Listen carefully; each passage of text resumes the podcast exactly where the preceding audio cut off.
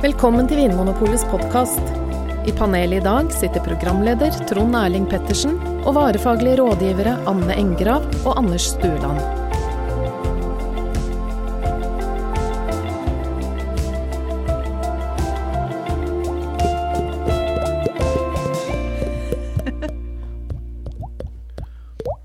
Nei, du var flink Den du var var. fin.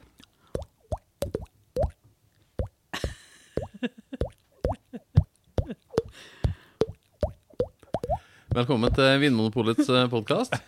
Det du hørte nå, var ikke plopping av en gjærlås i en vinkjeller. Det var rett og slett Anders og Anne som kjeda seg litt. Men eh, nå må vi fokusere, Ja. mine kjære kollegaer, for nå er det podkast-tid igjen. Ja. Og vi har fått brev. Eh, vi har fått et spørsmål fra en av våre kjære lyttere. Eh, og det er Kjetil Bjønnes som har sendt inn et eh, spørsmål til oss. Og det spørsmålet syns jeg var litt morsomt. Em, han skriver følgende. Hei, jeg lurer på hva som er lurest å si når man skal henvise til en vin hvis man kommer i prat med noen i sosiale lag. Sier man hele navnet på vinen, eller mer navnet på drua eller gården, produsenten? Eksempel, kolon. I går drakk jeg en Pouy Fumé 2017. Hvis jeg skulle fortelle om den til en kar jeg traff på fest dagen etter, hva ville fremstå som mest naturlig å si? 1. I går drakk jeg en veldig god Pouy Fumé. To. I går drakk jeg en veldig god Sauvignon Blad, som da er drua. Eh, tre. I går drakk jeg en av vinene fra Chateau Bankerot, hvis det var det produsenten het. Eller fire. En kombinasjon av liksom både drue, område, produsent, årgang, sånne ting. På IFME Bankerott 2017, Savner Blank. Det blir fort langt. Det blir langt, ja.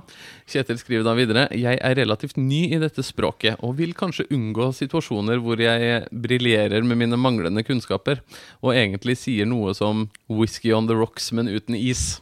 Altså, Kjetil er litt redd for å tråkke i salaten her, eh, tror jeg. Em, så jeg tenkte vi kunne snakke litt om det i dag. Hva er måte Hva er fellene man kan gå i? Fins det trygge tilnærminger? Hva er det som er vanlig i, i vindmiljøet? Uh, hva er det første dere tenker? Jeg tenker at eh, jeg, jeg liker Kjetil. jeg tror ikke han kommer til å gå i noen store feller. Det høres ut som han eh, er inne på riktig spor.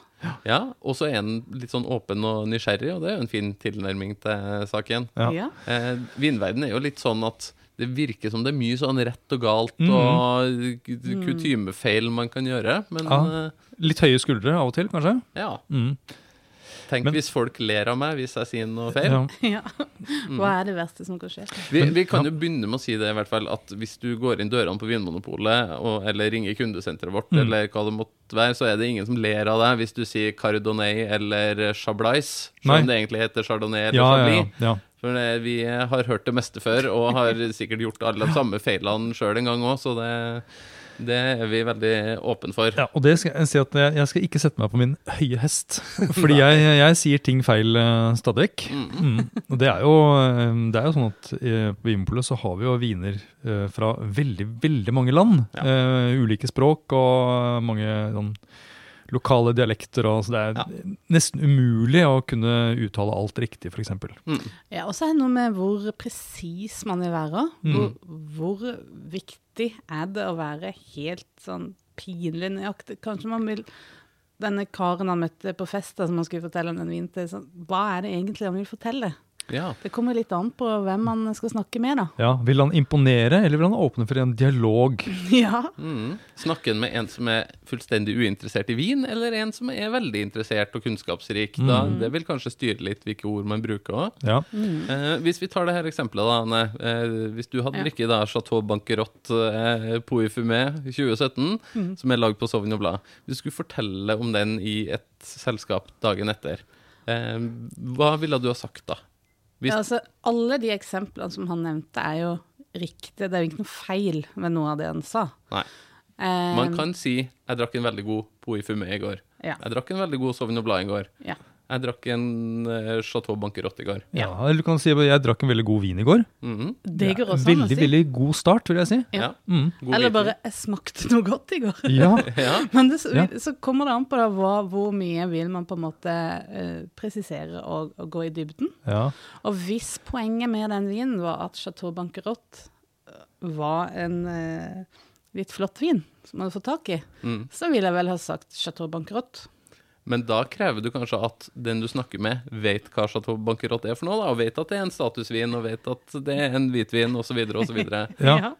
Mm. Ja, det gjør Så- det. så da, kanskje- det. Mm. Da ligger det liksom opp til at den du snakker med, er innforstått. Og så sier da den eh, vedkommende eh, sier da Å ja, Chateau Bankerott, ja. 2017. Ja, jeg smakte 2015 eh, for et par dager siden. Eh, jeg mener at det er en mye bedre årgang. Da er ikke sikkert Kjetil er forberedt på den samtalen. Nei. Nei. Eh, og hva er det den personen prøver å, å si da? Den prøver å si at jeg er bedre enn deg. da, Da, eh, da Kjetil, kan du bare gå videre. Da, for meg, da. Så kanskje det er litt sånn det første tipset vårt, da. Å liksom begynne på liksom det, det laveste nivået. Jeg drakk en god vin i går, jeg drakk en god hvitvin, eller kanskje til nød så jeg drakk en god Sauvignon Blad eller Parfumé. Mm. For da sender du kanskje også et signal til den du snakker med om eller du, du får sjekka om den personen er interessert eller ikke. Hvis den reagerer med et skuldertrekk, så er det kanskje ikke noe vits å begynne å mase om produsent og årgang og sånne ting. Men hvis, du, hvis den du snakker med sier 'Å, så gøy! Det, hvor kom den min fra? Hvilken produsent var det? Ja.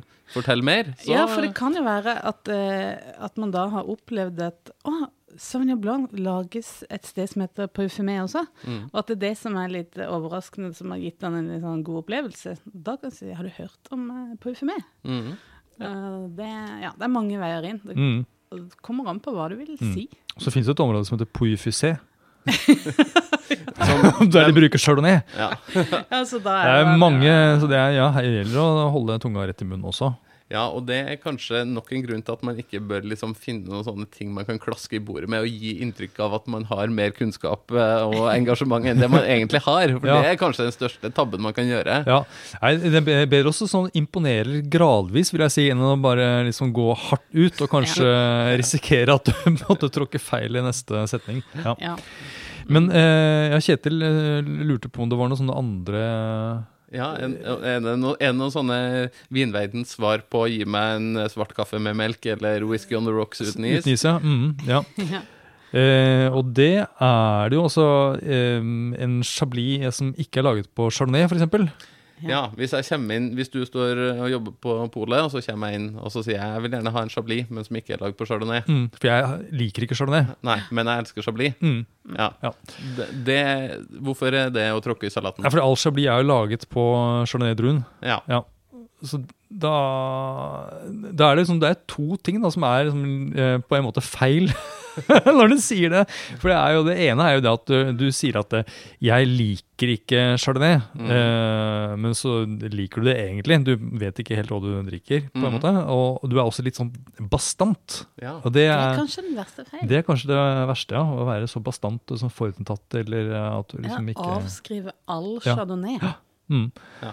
Eh, og så er det det at du da Du ikke er helt klar over at Chablis er Ja. basert på Chardonnay. Men, Men, men, men det- hvor galt det- er det, liksom? Det er ja, ikke, det er ikke og fryktelig det, er jo, det er jo noe som eh, man på en måte kan korrigere på en veldig hyggelig og Ja. mild måte, eller eh, noe som er en veldig forståelig feil å gjøre. Det er jo veldig mange som ikke vet at Chablis er lagd av drua chardonnay. Mm. Sånn er det. Men det er kanskje som du sier verre og hvis du er kjempepåståelig, Ja. uansett hvor mye du kan eller ikke kan.